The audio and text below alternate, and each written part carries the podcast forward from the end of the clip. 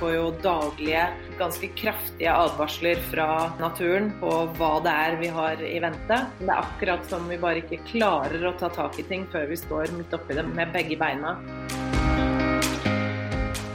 I Endringsskaperne snakker vi med kunnskapsrike og engasjerte folk som kan hjelpe oss til bedre å forstå hvorfor, hva og hvordan vi kan drive bærekraftig business og leve rike og gode liv.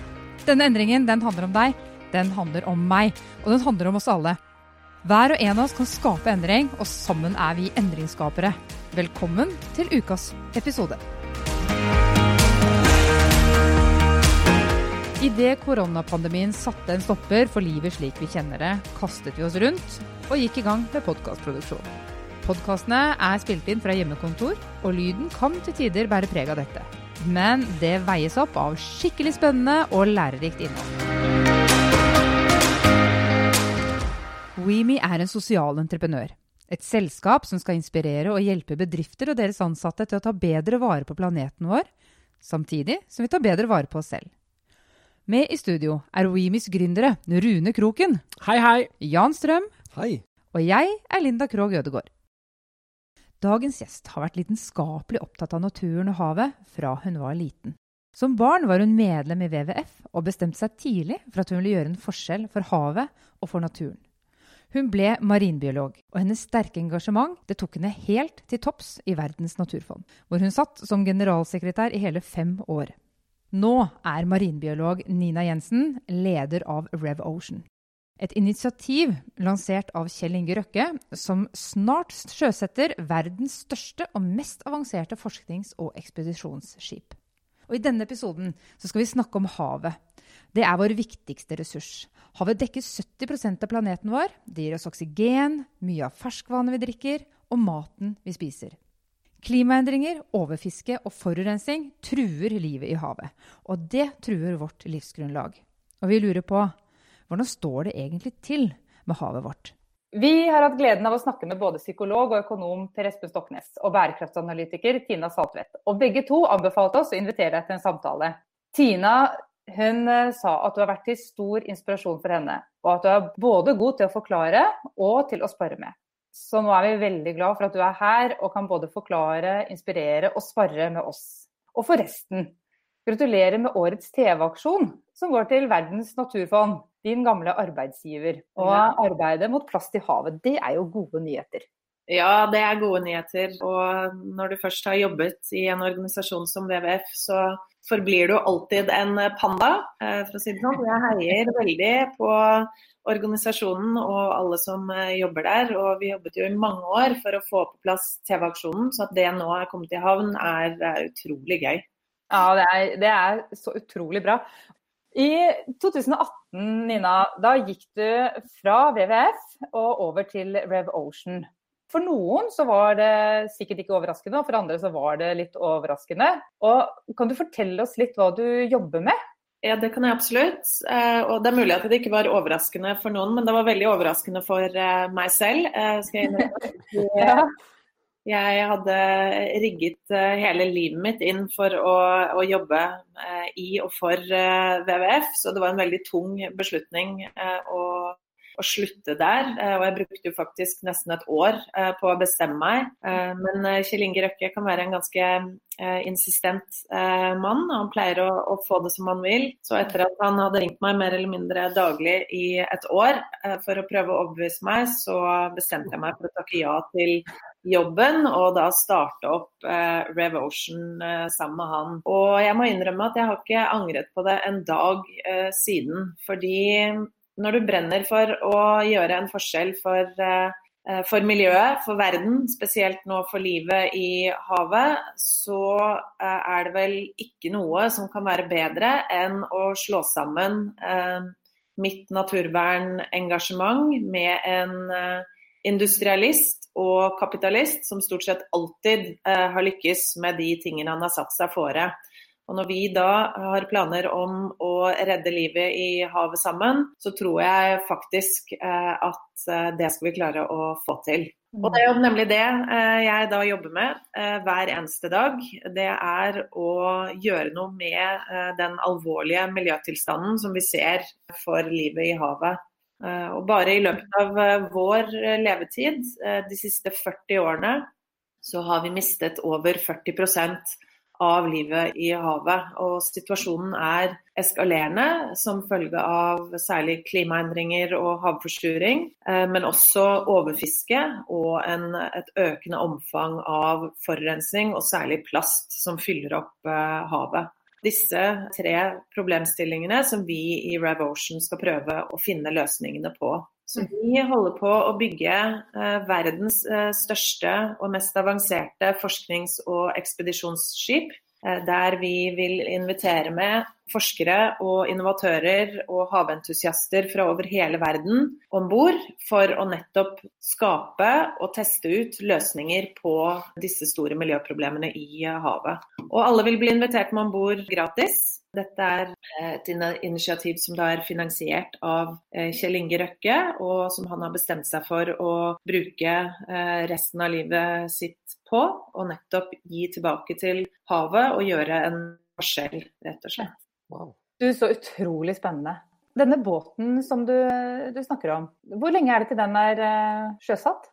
Ja, nå har vi jo fått noen eh, humper i veien eh, med tanke på covid-19 og um, koronaviruset, som jo har gjort at alt blir litt eh, forsinket. Men eh, i utgangspunktet så, så, skal skipet stå klart i mai neste år.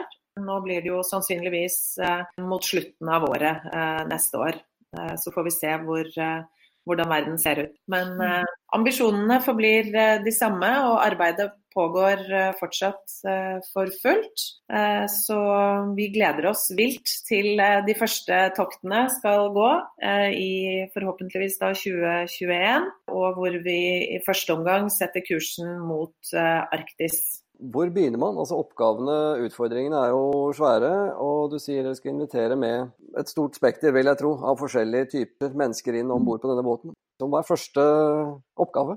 Altså, for det første så avhenger jo det litt av uh, hvilke havområder vi reiser til. Uh, og det avhenger selvfølgelig også av uh, de innkomne prosjektforslagene som vi får fra ulike organisasjoner og enkeltpersoner, som vi jo har invitert til å komme med innspill. Men det er jo nettopp å finne løsninger på plastproblemet, på klima og på overfiske, som prosjektene og aktivitetene vil dreie seg om. Så målet vårt er jo både å øke kunnskapen og forståelsen av disse problemene i havet. Eh, hva er det som skjer, hvor er det det kommer fra, hva er det vi kan gjøre med det.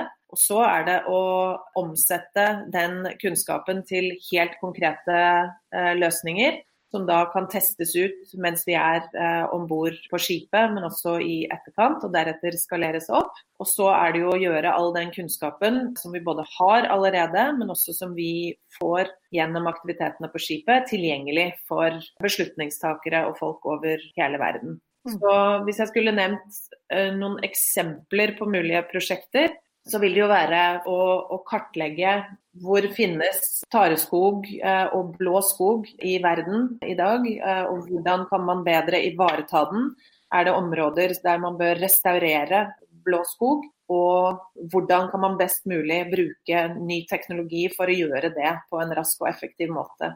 Det er et viktig område er jo fordi at blå skog som tareskog, mangroveskog, eh, sjøgrasenger, for å nevne noen, tar opp et sted mellom 40 til 50 ganger mer CO2 enn det landbasert skog gjør. Så det vil være en veldig viktig del av klimaløsningen eh, å både ta vare på og restaurere denne type skog. Så Det er et veldig konkret eksempel som vi kommer til å bruke tid eh, og krefter på. Takk for at du spesifiserte det der. fordi jeg har jo aldri hørt om blå skog før, så det var, det var godt du, du utdypet litt. Jeg syns det er fantastisk at de bygger dette skipet og, og, gjør dette. Men så har jeg jo Dag Olav Hessen i eh, bakhodet som sier at uh, vi må forbruke mindre. Vi må uh, forurense mindre. Vi må Alt forbruk er knyttet opp mot mindre natur. Hvordan klarer du å balansere miljøverneren med å bygge verdens største um, forskningsskip? For det første så er jeg jo helt enig med Hesten. Uh, han har jo helt rett. Uh, og vi kjemper jo for akkurat de, de, samme tingene. Samtidig så vet vi jo at det er formidable kunnskapshull i forhold til hva som foregår i havet. Og etter å ha hatt samtaler med både de ledende miljøorganisasjonene og de fremste forskningsinstitusjonene i verden, eh, så har det jo blitt krystallklart at det er behov for eh, mer forskningskapasitet og innsats for å avdekke disse kunnskapshullene, men også for å teste ut de helt konkrete løsningene i de ulike havområdene verden over. Og da er det jo enkelt å være en del av et sånt eh, prosjekt. Det er faktisk eh, en utrolig ære å få lov til å være med på å, lede et sånt prosjekt, som jo nettopp vil bidra til å dekke de kunnskapshullene vi har. Bringe sammen ulike mennesker, kapasiteter, folk med veldig ulik bakgrunn og tankesett for å kunne løse problemer som vi ikke har klart å løse til nå. Det som jo også er veldig spennende med dette skipet, er jo at på mange måter så vil det bli som en flytende tenketank, eller vi kaller det jo en eh, action tank, hvor eh, eh, de ulike grupperingene og menneskene som er om bord, vil bli utfordret til enhver tid på å skape helt konkrete resultater. Så vi skal ikke drive forskning bare for forskningens skyld. Den skal være løsningsorientert og drevet av knallhard ambisjon om å nettopp løse plastproblemet, klimaproblemet og overfiskeproblemet i havet. Mm. Ja, dette blir utrolig spennende å følge. og jeg tenker Med den, eh, det du fortalte innledningsvis om den dedikasjonen til eh, Kjell Inge Røkke for å få deg med om bord, så tenker jeg med din, eh, din, dedikasjon og med hans, så tenker jeg at dette har vi veldig stor tro på. Og Da lurer jeg litt på hvor kommer den drivkraften din fra, da? Som har gjort at du jobber inn mot miljøvern, og har vel egentlig gjort det hele tiden? Ja, så jeg mm, ble vel nesten født med det, tror jeg. Jeg vokste jo opp og var veldig naturengasjert og elsket å tilbringe tid både ved og under havoverflaten. Og det er klart, når du er så fascinert uh, av noe som naturen, som, som havet, så er det jo veldig kort vei til å ønske å ta vare på det. Og som liten så var jeg også Pandaklubb-medlem, som jo er barneorganisasjonen til WWF. Så jeg ble jo kanskje indoktrinert fra barnsben av og bestemte meg jo ganske tidlig for at jeg ville bli marinbiolog, og for at jeg ville jobbe i eh, WWF med naturvern. Eh, og det er jo det jeg har drevet med til nå, og som jeg har bestemt meg for å, å vie livet mitt til. Det er det absolutt viktigste jeg bruker tiden min på. Eh, og jeg håper jo til syvende og sist at jeg faktisk eh, klarer å gjøre en liten forskjell eh, den tiden jeg har her. Når vi satt og gjorde litt research på deg før vi skulle ha denne praten, så, så kom Rune med et godt spørsmål som lød noe sånn som at vi som har passert 40, husker jo at Golfstrømmen var et hett tema tidligere. Men er det helt ut? Om Golfstrømmen er helt ut? Jeg må jo beklage den litt uh, lite faglige tilnærmingen på spørsmålet, da. Men, men jeg, jeg, husker jo jeg var vokst opp med at liksom, det, er, det er, eller ikke liksom, Um, det er kjempeviktig at ikke for mye av altså Dette kan jo du. Jeg bare hørt noe om det. At for mye av ferskvannet på Grønland smelter. For det at da ødelegger man den pumpen som Golfstrømmen er. Og hvis man mister Golfstrømmen, så kan man få et helt annet klima andre veien i, eh, i Norge. Mm. Og, så, og, så, tenker jeg at liksom, Det er så rart, for jeg husker at det var en sånn det var en sånn ganske sånn stor trussel. da, Og så opplever jeg nå at den diskusjonen og den bekymringen tilsynelatende er helt vekk. Det er den sikkert ikke, men det er kanskje bare enda større bekymringer som har kommet i stedet. Jeg tror nok heller eh, det siste, for det er jo eh, absolutt eh, fortsatt et hett diskusjonstema i utvalgte kretser. Og i aller høyeste grad en ting man er bekymret for og oppmerksom på. Men, men det er som du sier, du kan jo bare legge alle de ulike problemene oppå hverandre, og så er det mer enn nok å, å ta av. Det og mange andre ting har jo bidratt til at man har fått klimasaken mye høyere på agendaen, naturlig nok. Og det er jo derfor stort sett alle verdens ledere eh, nå jobber intenst på å klare å finne en løsning på eh, dette problemet. Så mm. kan man jo stille, stille, spørsmål ved hvorfor gjøres det ikke mer, eh, når man vet hvor alvorlig det blir og man allerede ser Det er ikke noe som kommer til å skje i framtiden, det skjer allerede her og nå. Vi får jo daglige ganske kraftige advarsler fra naturen på hva det er vi har i vente. Det er akkurat som vi bare ikke klarer å ta tak i ting før vi står midt oppi det med, med begge beina. Og Sånn sett så tenker jeg jo at den pågående og veldig alvorlige koronakrisen som vi står i, er jo litt illustrativt for det samme. Vi fikk advarsler om at dette kom til å komme. Vi fikk alle muligheter for å forberede oss og på å ta nødvendige grep, men likevel så gjorde vi det ikke. Fordi på et eller annet menneskelig plan så håper man kanskje, eller tror, at det kommer til å gå over. Trenger ikke å gjøre noe med det.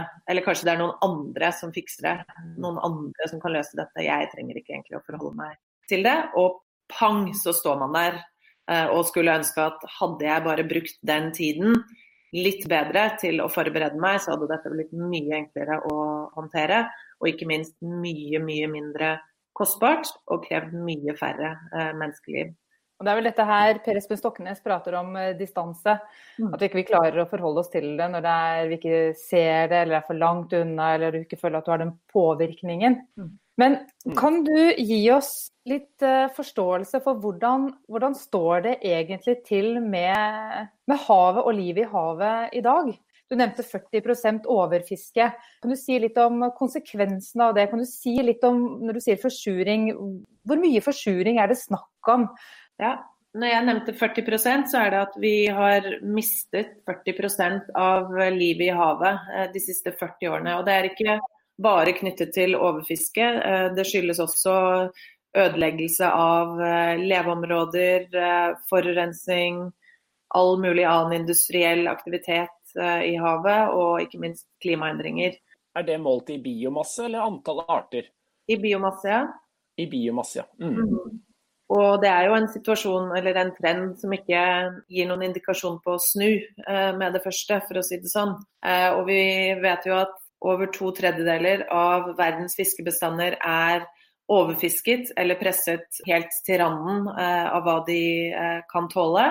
Som jo er eh, alvorlig når det også kobles med et stort og omfattende ulovlig fiske over hele, hele, verden. Som jo bidrar til at man tar ut mer fisk av havet enn det havet klarer å, å reprodusere. Når det gjelder klimaendringer og forsuring, så er jo konklusjonen fra FNs klimapanel krystallklar. Havet blir varmere, det blir surere og det blir mindre produktivt. Så Det betyr jo at alle som ser til havet med et håp og ambisjon om at vi skal produsere fem til seks ganger mer mat eh, fra havet og ta ut mer fisk fra havet, ja det er en fin ambisjon, men det krever en ganske formidabel innsats for å, å, komme dit i å rette opp alle de feilene vi har forårsaket til nå. Fjerne forurensning og ikke minst restaurere en del av de ødelagte eh, havbunnsområdene som vi har ødelagt til nå. Eh, når det gjelder klimaendringer, så er jo først og fremst den merkbare eh, konsekvensen for oss at mange habitater eh, blir påvirket.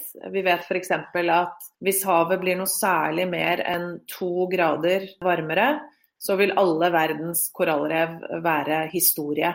Det betyr jo at eh, noen av de fremste underverkene i verden, eh, som har eksistert i millioner av år, eh, vil forsvinne i vår levetid. Det er jo et ganske sterkt symbol på hvordan vi mennesker endrer vilkårene for alt liv eh, i havet i et nanosekund av planetens eksistens. Mm. mm. Man snakker om temperaturøkning eh, på jorden, men nå nevnte du et par grader eh, i havet. Hvordan er forholdstallet der? Altså Hvis man snakker om 1,5 til 2 grader temperaturøkning på kloden, hvordan står det i forhold til den temperaturøkning du nevner i havet? Ja, så Når jeg sier eh, to grader varmere, så er det i forhold til det globale eh, målet som man har satt om å holde globale eh, temperaturøkningen under to grader, og fortrinnsvis helst under 1,5 grader. Det det, vi snakker om samme tall? Ja. Så er det et utopisk tall på nåværende tidspunkt, for vi er jo allerede eh, langt forbi utslipp knyttet til 1,5 graders oppvarming. Og det beste vi kan håpe på, tror jeg, er et eller annet sted mellom 3 til 4 grader eh, global eh, oppvarming. Med de formidable konsekvensene det vil føre med seg. Men eh, havet har jo spilt en ganske sentral rolle i å kompensere for de utslippene som vi har hatt til nå. Mm.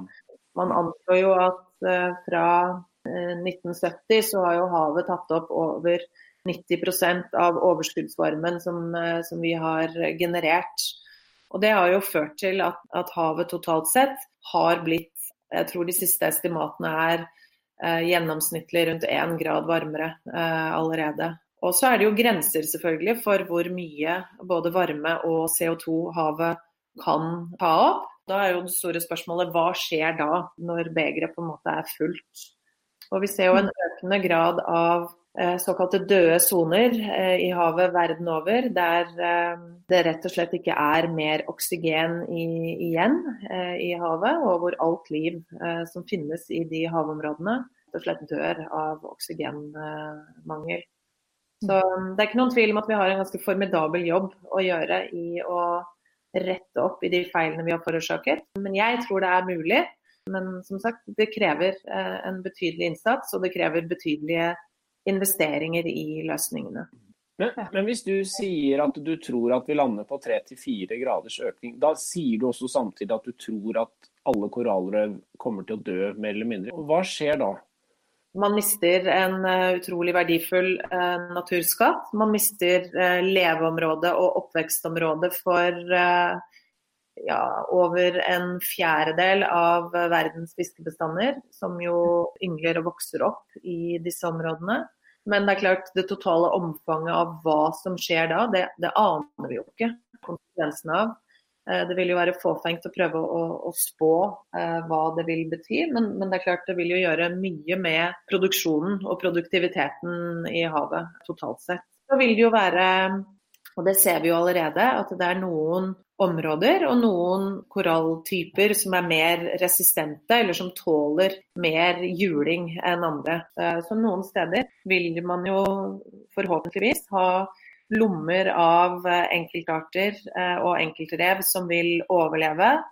Og da vil man jo potensielt kunne plante ut igjen, eller sette ut, som er mer riktig beskrevet, sette ut, ut disse utvalgte artene og prøve å, å restaurere det i, i, de områdene man, man kan. Mm. Men det er klart, en, en, rekke land verden over eh, er jo helt avhengig av turisme f.eks. For, for å overleve, og mye av det er knyttet til korallrev. Jeg ville ganske raskt funnet meg noe annet å drive med, fordi dette kommer ikke til å være deres levebrød i fremtiden. Mm. hvordan er egentlig tilstanden i Oslofjorden, da? Ja, jeg skulle jo ønske at jeg kunne være mer optimistisk eh, på vegne av fjorden, men dessverre så er Oslofjorden et eh, lite økologisk eh, katastrofeområde. Vi har jo hamret løs på fjorden i ganske mange år. Det var jo en periode hvor vi fikk ryddet opp i en del gammel forurensning, og hvor vannkvaliteten så ut til å bli bedre, men dessverre så er den nå ganske dårlig og fylt med mye søppel og avfall som, som folk har dumpet og fortsetter å dumpe. Eh, man har jo også fått en eh, økning over de siste eh, tiårene med fritidsbåter, som jo dumper veldig mye, ikke bare søppel, men også eh, kloakk rett ut i, fjorden. Som jo har ført til en ganske dramatisk forverret miljøtilstand. Så har man sett at overfiske kombinert med forurensning og sannsynligvis også ødeleggelse av en del gytegroper, har ført til eh, komplett kollaps i torskebestanden. Så de av oss som har elsket å drive med torskefiske i Oslofjorden, kan jo ikke lenger drive med dette, fordi det er ikke torsk å oppdrive, rett og slett. Så jeg tror den eneste arten som eller en av eh, veldig få arter som, som, gjør det bra i Oslofjorden, er sjøørreten. Litt uvisst hvorfor. Og man har også sett et lite oppsving i noen eh, sjøpattedyrarter. Men eh, utover det så er eh, situasjonen ganske alvorlig. Og det er jo også et av de prosjektene som vi i RevOcean håper å kunne bidra til. At vi faktisk får ryddet opp og reddet Oslofjorden. Og når jeg hører deg prate, så det høres jo veldig dramatisk ut, og det høres eh, ja, veldig alvorlig ut. Og det, ja, da har jeg så veldig lyst til å gå over til uh, Tina Saltvedt sitt spørsmål til deg. Er du klar for det? Ja. Jeg håper det kan uh, sette fokuset over i noe som er konstruktivt og noe vi kan gripe tak i. For hun spør hva er det første vi må gjøre her i Norge som gjør at havet kan være en god stand for våre barn og barnebarn? Det er jo et stort uh, spørsmål, og det er jo ikke ett enkelt uh, svar. Det er jo som regel en lang smørbrødliste med ting uh, man bør og må gjøre. men hvis jeg skulle velge én ting der vi i Norge kan gjøre en helt unik forskjell som ingen andre kan, så vil det være knyttet til bruk av oljefondet. Norge har verdens største pensjonsfond i oljefondet som eh, teller ca. 10 000 milliarder kroner. Og det er klart, hvis vi valgte å sette av 1% 2% 5% av oljefondet i et eget klimafond, og brukte det til å fremme klimaløsninger over hele verden, slik at vi får akselerert eh, det såkalte grønne skiftet, hvor vi skifter fra fossilbaserte eh, økonomier og energisystemer over til 100% fornybare, så ville det være det absolutt viktigste vi kan gjøre. Og mm, da er det jo lett å tenke at det er der man burde starte. Det er veldig bra. Men siden du sa det var en hel smørbrødliste, så må du gjerne komme med et, eh, et punkt eller to til, altså. Ja, altså Vi noterer flittig, vi. Norge er jo en av eh, de ledende havnasjonene i verden og har jo tatt mange gode grep for å forvalte våre egne havområder på en god måte. Men det er klart, vi fortsetter jo med en del eh, miljøsynder her hjemme også. Vi vurderer å dumpe gruveavfall i fjordene våre. Vi har en Oslofjord som eh, er et økologisk katastrofeområde. Og vi har også et omfattende ulovlig fiske, bl.a.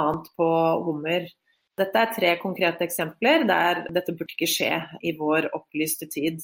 Så det å igangsette eller øke innsatsen mot uh, ulovlig fiske, stoppe dumping av forurensning og miljøgifter i uh, fjordene våre, og restaurere ødelagte havbunnsområder eh, langs kysten vår, er tre veldig konkrete ting som vi kan og bør gjøre. Og, og så har vi da Per Espen Stoknes eh, sin lærdom i hodet her. og Han sier at for at vi skal nå gjennom og få til endring, så må vi gjøre det nært, vi må gjøre det sosialt, vi må ha muligheten til å påvirke. Hvis vi da skulle løfte dette her helt ned i hvordan deg og meg og jeg og vi alle på mer sånn individnivå kan eh, være med og få til dette her. Hva ville du sagt da? For oljefondet høres veldig fjernt ut, ikke sant?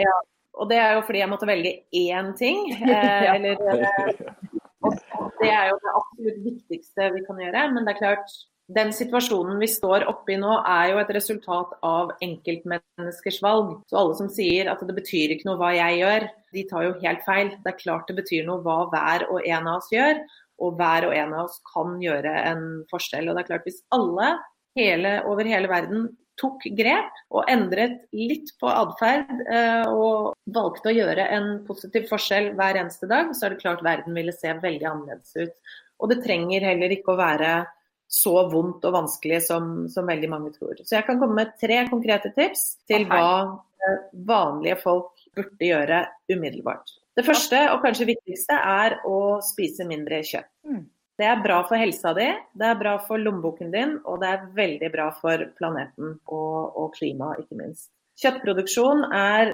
en av de største bidragsyterne til klimautslipp.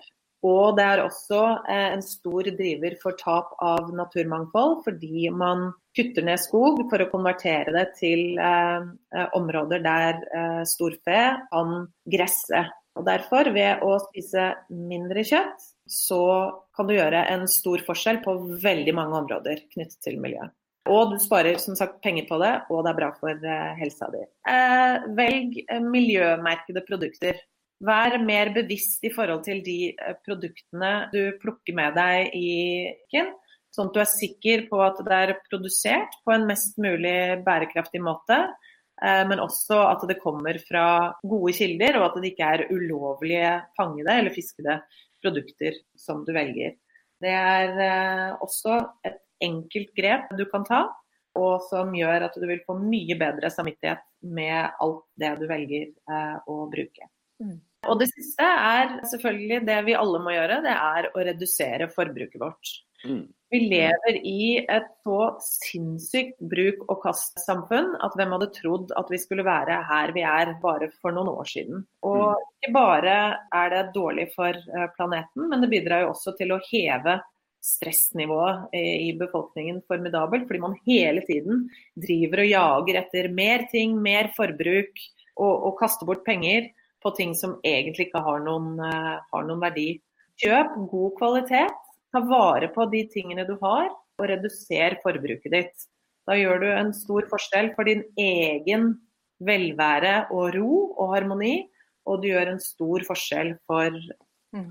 Ja, Der må jeg også skyte inn at vi har snakket med Yngvar Andersen, som er mer kjent som Mykje Meir. ja. Han er jo en minimalist, eh, og vi har blitt eh, veldig inspirert. Og hiver nå ut eh, Eller ikke hiver, det er veldig viktig å poengtere, ikke hiver. Men reduserer nå eh, garderoben min til 33 deler. Nettopp. Det var et magisk tall. Ja, det, er, det ligger en lang historie bak det, og det er selvfølgelig en, eh, det er jo for spesielt interesserte. Men, eh, men det handler om eh, hovedtrekkene av det du snakker om. Og um, forbruke mindre og få mer ro oppi hodet og få tid til det som er viktig. Og Det syns jeg er utrolig bra, også det du nevner der, både i forhold til spise mindre kjøtt og, og det siste her med å redusere forbruk. Altså Dette påvirker helsen vår positivt. Vi snakker om, og skal snakke om, hva vi må gjøre for klima, for miljø. Men jeg syns altfor ofte så glemmer vi liksom den dimensjonen. Ja, men hvis vi bare tenker oss om, så er det jo faktisk til det beste for oss sjøl også. Ja. Og at det kommer altfor lite fram i denne klima- og miljødebatten. Absolutt. Og det er jo heldigvis mm, flere som i økende grad tar til orde for å, å gjøre de koblingene. Og det er jo ikke noen tvil om at altså jeg tror stort sett uten unntak alle ting som gjør at vi tar bedre vare på naturen og miljøet, gjør at vi også får det bedre selv. Vi får bedre luftkvalitet, eh, vi får bedre helse, både fysisk og mentalt. Vi kan få mer fritid eh, til å være ute og fokusere på de viktige tingene. Ja, listen er lang. Eh, Og det henger eh, 100% sammen. Og det er klart, Jo mer vi ødelegger naturen og klimaet vårt, jo mer sykdomsutbrudd kommer vi til å få. Jo dårligere helse kommer vi til å få. Jo vanskeligere kommer det til å bli å få tilgang på rent drikkevann, eh, ren luft, gode matvarer osv. Så, videre. så det er eh, rett og slett det absolutt beste vi kan gjøre for oss selv. Og det både Jan og deg, Nina, nå er inne på nå, er jo det, det vi har snakket både med, med Stoknes og Hesten om, og det er eh, alt vi sier ja til, og ikke det vi sier nei til. Men at vi sier eh, ja til eh, tid, og ja til relasjoner, og ja til det som er viktig. Og ja til helse, og ja til mer grønnsaker, i stedet for alt det vi tenker at vi nå mister eller går glipp av. Det, er det å si nei til noe er jo, det er jo å si ja til noe annet. Det er ikke sant? Så, men det er ikke sant? vi som kjemper for eh, og brenner for eh, naturvern og, og miljøsaken, har i hvert fall fram til nylig blitt forsøkt parkert i en bås med at vi er eh, alarmister, vi går i fotformsko, vi er eh, plageånder, vi skal dra samfunnet tilbake til eh, 30-tallet. Vi ønsker ikke fremgang, vi ønsker ikke å ha et godt liv, vi skal bare gjøre det vondt og vanskelig for folk. Alt er jo liksom bare feil. Det er jo faktisk det motsatte eh, vi, eh, vi driver med. Og heldigvis så har jo dette lyset gått opp for, eh, for stadig flere der ute også. Ja. Det er litt tilbake i, i hva vi pratet om i stad, egentlig. Men jeg, jeg syns det er så viktig at jeg gjerne vil, vi får det med oss. Og nå er jeg tilbake på innsatsområdene til uh, Rev Ocean. Og vi snakket om status, uh, og du fortalte litt mer konkret rundt tilstanden i forhold til overfiske. Snakket litt i forhold til tilstanden rundt klima, men vi fikk ikke snakket noe rundt tema plast. Nei. Og, og sånn, uh, som en liten intro til det, så kommer jeg til å tenke på Jeg har um, litt eldre bror som uh, seiler rundt på et kystvaktfartøy, uh, og har gjort det i, i snart en mannsalder. Han uh, for et par år siden tok med besetningen i land på Bjørnøya utelukkende for å plukke plast. Og dokumenterte dette, og det var mildt sagt overveldende, skrekkelig, forferdelig å se. Alt hva de fant. Men det som var enda mer overraskende, var at når de kom tilbake året etter og trodde de skulle bare ta med seg det de ikke fikk med seg året før, så var jo bare det enda mer plast. Så dette har liksom bare skalert, og dette har jeg bare da snakk om de siste to-tre årene. Mm. Ja, nei, altså tenker jo at plast er jo et veldig synlig miljøproblem som beskriver veldig mye tydeligere for folk hvordan vi behandler naturen rundt oss. For det er jo på, på mange av de andre eh, miljøproblemene så er jo situasjonen like alvorlig, men ikke like synlig. Og det er det som er fordelen, eh, hvis man kan si at noe er en fordel med plastproblemet. Men det er jo faktisk sånn nå at det finnes ikke et eneste sted i havet som, eh, som ikke er eh, forsøplet av plast. Det er fra de innerste rekkeviddene av den arktiske sjøisen ned til det dypeste dypet av Marianagropen ned på 11 000 meter, så finner vi plast. Og det er klart, De verste bildene og ting som vi ser fra strender verden over eller fra konsentrasjoner i utvalgte havområder, det er jo bare en liten brøkdel av totale, den totale plastmengden i havet. Og man regner jo med at over 75% av plastforsøplingen synker nedover i vannsøylen og ned til havbunnen. Og så brytes den jo sakte, men sikkert ned til mindre bestanddeler og såkalt mikroplast eh, over tid. Og dette aner vi jo ikke eh, langtidseffektene av. Eh, hvordan kommer dette inn i næringskjeden? Hva vil det på lengre sikt også gjøre med oss mennesker, f.eks.? Dette aner vi virkelig ingenting av. Og vi lever jo sånn sett i et gigantisk eksperiment. Og for å sette det litt i perspektiv. Når jeg ble født eh, for litt over 40 år siden, så brukte hver gjennomsnittsborger i verden ca. 2 kilo plast per person per år. Og når min sønn ble født, han er nå to år, så brukte hver gjennomsnittsborger 42 kilo plast. Så det er altså en mer enn 20-dobling av plastforbruket i vår uh, levetid. Mm. Så kan man jo spørre seg, hadde man et uh, bedre eller verre liv før eller etter? Uh, jeg tror nok vi klarte oss helt fint og levde gode liv også før denne formidable plastmengden gjorde sitt inntog. Utfordringen med plasten er jo når den havner som søppel eller på avveie, ikke nødvendigvis produktet i seg selv, som jo kan ha en del gode egenskaper ved seg, ved seg også. Så, og, og, det er klart, eh, det stopper jo ikke her. Selv om vi nå er veldig bevisst på at dette er et stort problem, så um, kommer jo plastproduksjonen og plastforbruket til å øke formidabelt i årene som kommer også. Man tror jo at de neste ti årene at plastforbruket kommer til å doble seg. Det er klart, det er jo ganske alvorlig, særlig når man vet at mye av økningen vil komme i land som ikke har noen form for avfallshåndteringssystemer for dette. Så Det er jo også en av de tingene som, eh, som vi i RevOcean har initiert. Vi har opprettet en egen eh, stiftelse som heter The Plastic Revolution, som ledes av eh, Erik Solheim, og hvor målet er å skape kommersielt lønnsomme og skalerbare løsninger på plastproblemet. Eh, og her har vi startet i Ghana, land som sliter eh, veldig med plastforurensning, eh, og hvor vi håper å få på plass et avfallshåndteringsanlegg der vi kan omdanne plast til drivstoff i løpet av kort tid. Så utrolig bra. Mm. Men du nevner dette at du er inne på et eksperiment. Og for litt siden så leste jeg, jeg tror det var i DN Jeg er jo mor til to jenter. Og i den omkretsen som er rundt hvor jeg bor, så har jeg tilgang til alle de vanlige eh, butikkene. Rema 1000, Kiwi, Meny, disse type butikkene. Og vi er jo oppdratt til at det er sunt og godt å spise fisk. Det er jeg vokst opp med, og det er jo noe jeg også bringer videre til mine barn. Så da leste jeg at oppdrettsfisk i Norge, de får da Her er det mange, mye oppdrettsfisk som får antidepressiva. Fordi de eh, blir rett og slett deprimerte av å bo i eh, merder, og at de ikke vokser til å bli den størrelsen som er lønnsom.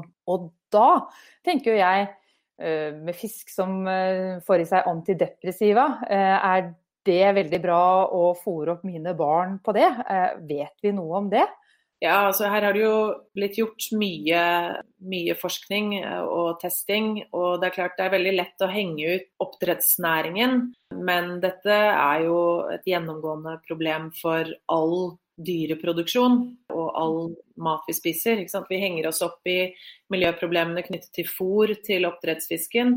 Samtidig som eh, man bruker mye mindre fôr til én kilo oppdrettsfisk enn man bruker til én kilo eh, kylling, én kilo svin, én kilo storfekjøtt. Så jeg vil jo si at fortsatt så er eh, sjømat, og også eh, oppdrettsfisk og andre oppdrettsprodukter, et mye bedre valg enn landbaserte eh, råvarer. Men får landbaserte oppdrett for de også antidepressiva? Jeg bare syns det var litt skremmende å, høre. men ja. Det, ikke, det, vet jeg ikke, eh, men det vil jo ikke overraske meg. Altså, hva kan være mer deprimerende enn å bli stående tjora fast eh, og, og, matet med produsert fôr i en liten bås? Så det ville ikke overrasket meg om det også var behov for antidepressiva der. Men, men det gis jo betydelig med medikamenter og tilsetninger og ikke-naturlige stoffer i eh, både fôr og andre ting som det burde stilles mye mye større eh, spørsmålstegn ved. Også alle former for antibiotika f.eks., som jo er et, eh, et stort problem. Mm. Det absolutt beste er jo fortsatt å velge naturlige, økologiske og ville produkter. Jeg spiser mest sjømat, men jeg spiser også vilt. Det er eh, mine foretrukne proteinkilder, for å si det sånn, utover eh, plantebaserte. da.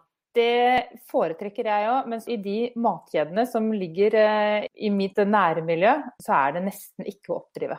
Nei, og det er jo en ting som eh, hver og en av oss igjen kan gjøre en forskjell. Og det er jo å faktisk eh, snakke med nærbutikken vår og informere om hva slags type produkter du faktisk ønsker. For det er klart hvis etterspørselen blir stor nok etter f.eks viltkjøtt eller eh, spesielle sjømatprodukter, så vil jo butikkene i økende grad også ta inn det i sortimentet. Mm.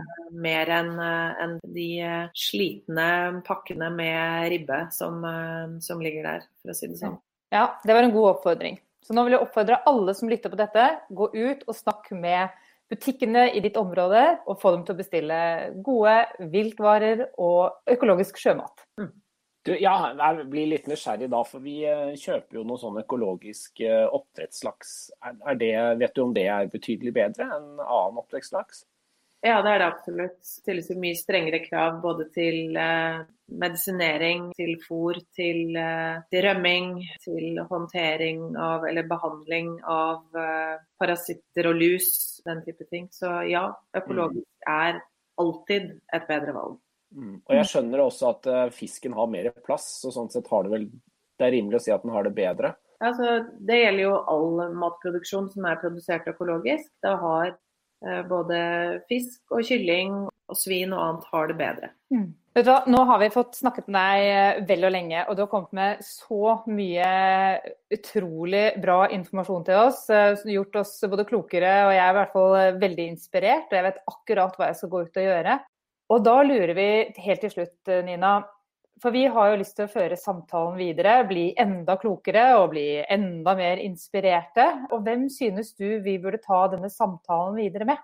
Ettersom et av eh, de konkrete tipsene mine var eh, knyttet til mat og matproduksjon, så vil jeg jo oppfordre dere til å ta en prat med Gunhild Stordalen, som leder eh, EAT eh, Foundation. Eh, de jobber jo nettopp med disse problemstillingene og å koble tap av naturmangfold, klimaendringer og kosthold eller matproduksjon sammen. Mm. Og ikke minst det å se hvilken innvirkning alle disse tingene har på menneskelig helse. Så der vil dere både bli inspirert og informert og finne gode, konkrete løsninger. Ah, kjempefint. Hun vil vi veldig, veldig gjerne snakke med. Og har du da et spørsmål som vi kan eh, stille på dine vegne til eh, Gunhild? Ja, eh, da ville jeg spurt henne om hva konkret må gjøres for å øke matproduksjonen fra havet? Ja, godt spørsmål. Tusen, tusen hjertelig takk for at du ble med og hadde denne fine samtalen. At du hjelper oss i å fremme dette viktige perspektivet, sånn at vi alle kan eh, bli kloke og gjøre bedre. Bare hyggelig. Det var en veldig spennende og inspirerende samtale. Og veldig gøy eh, det dere prøver å få til. Så det blir gøy å følge dere fremover. Eh, Ja, tusen Alt mulig takk. lykke til. Ha det bra. Ha det. I dagens episode har vi fått høre om Ninas engasjement for å gjøre en forskjell i verden og livet i havet. Vi har hørt om den alvorlige utviklingen i havet, og om formålet til Rev Ocean. At de siste 40 årene har vi mistet over 40% av livet i havet. Og Rev Ocean skal løse tre hovedproblemer. Plast, klima og overfiske.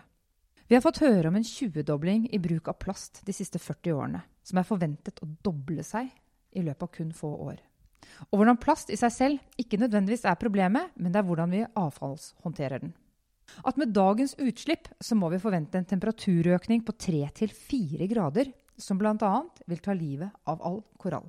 Konsekvensen av dette kjenner vi ikke til. Vi har også fått høre om situasjonen i Oslofjorden, og at vi må restaurere de ødelagte havområdene. Om tareskogens viktige rolle til å bidra til å løse klimaproblemene, da den tar opp 40-50% mer CO2 enn landbasert skog. Om hvordan naturen gir oss tilbakemeldinger hver dag om hva vi har i vente om vi ikke snur utviklingen. Vi har også fått høre om Norges rolle som en ledende havnasjon, og hva vi kan oppnå med å bruke oljefondet rett. Vi som enkeltindivider har stor påvirkningskraft, mener Nina. Blant annet kan vi bidra med å spise mindre kjøtt, vi kan velge miljømerkede produkter, og ikke minst redusere vårt forbruk ved kjøp av god kvalitet og ta vare på tingene våre. Alle relevante referanser og lenker til dagens gjest finner du på nettsiden vår weme.eco. Du kan nå oss på e-postadressen hello krøllalfa weme.eco. Her kan du gjerne sende oss tips om relevante temaer eller andre vi bør ta en prat med. Du kan selvsagt stille oss spørsmål, eller ta kontakt for en prat om hvordan vi kan hjelpe deg og din bedrift i det grønne skiftet. Likte du det du har hørt, vil vi gjerne at du deler denne podkasten med dine venner og kollegaer. Da gjenstår det bare å si hei så lenge, høres snart.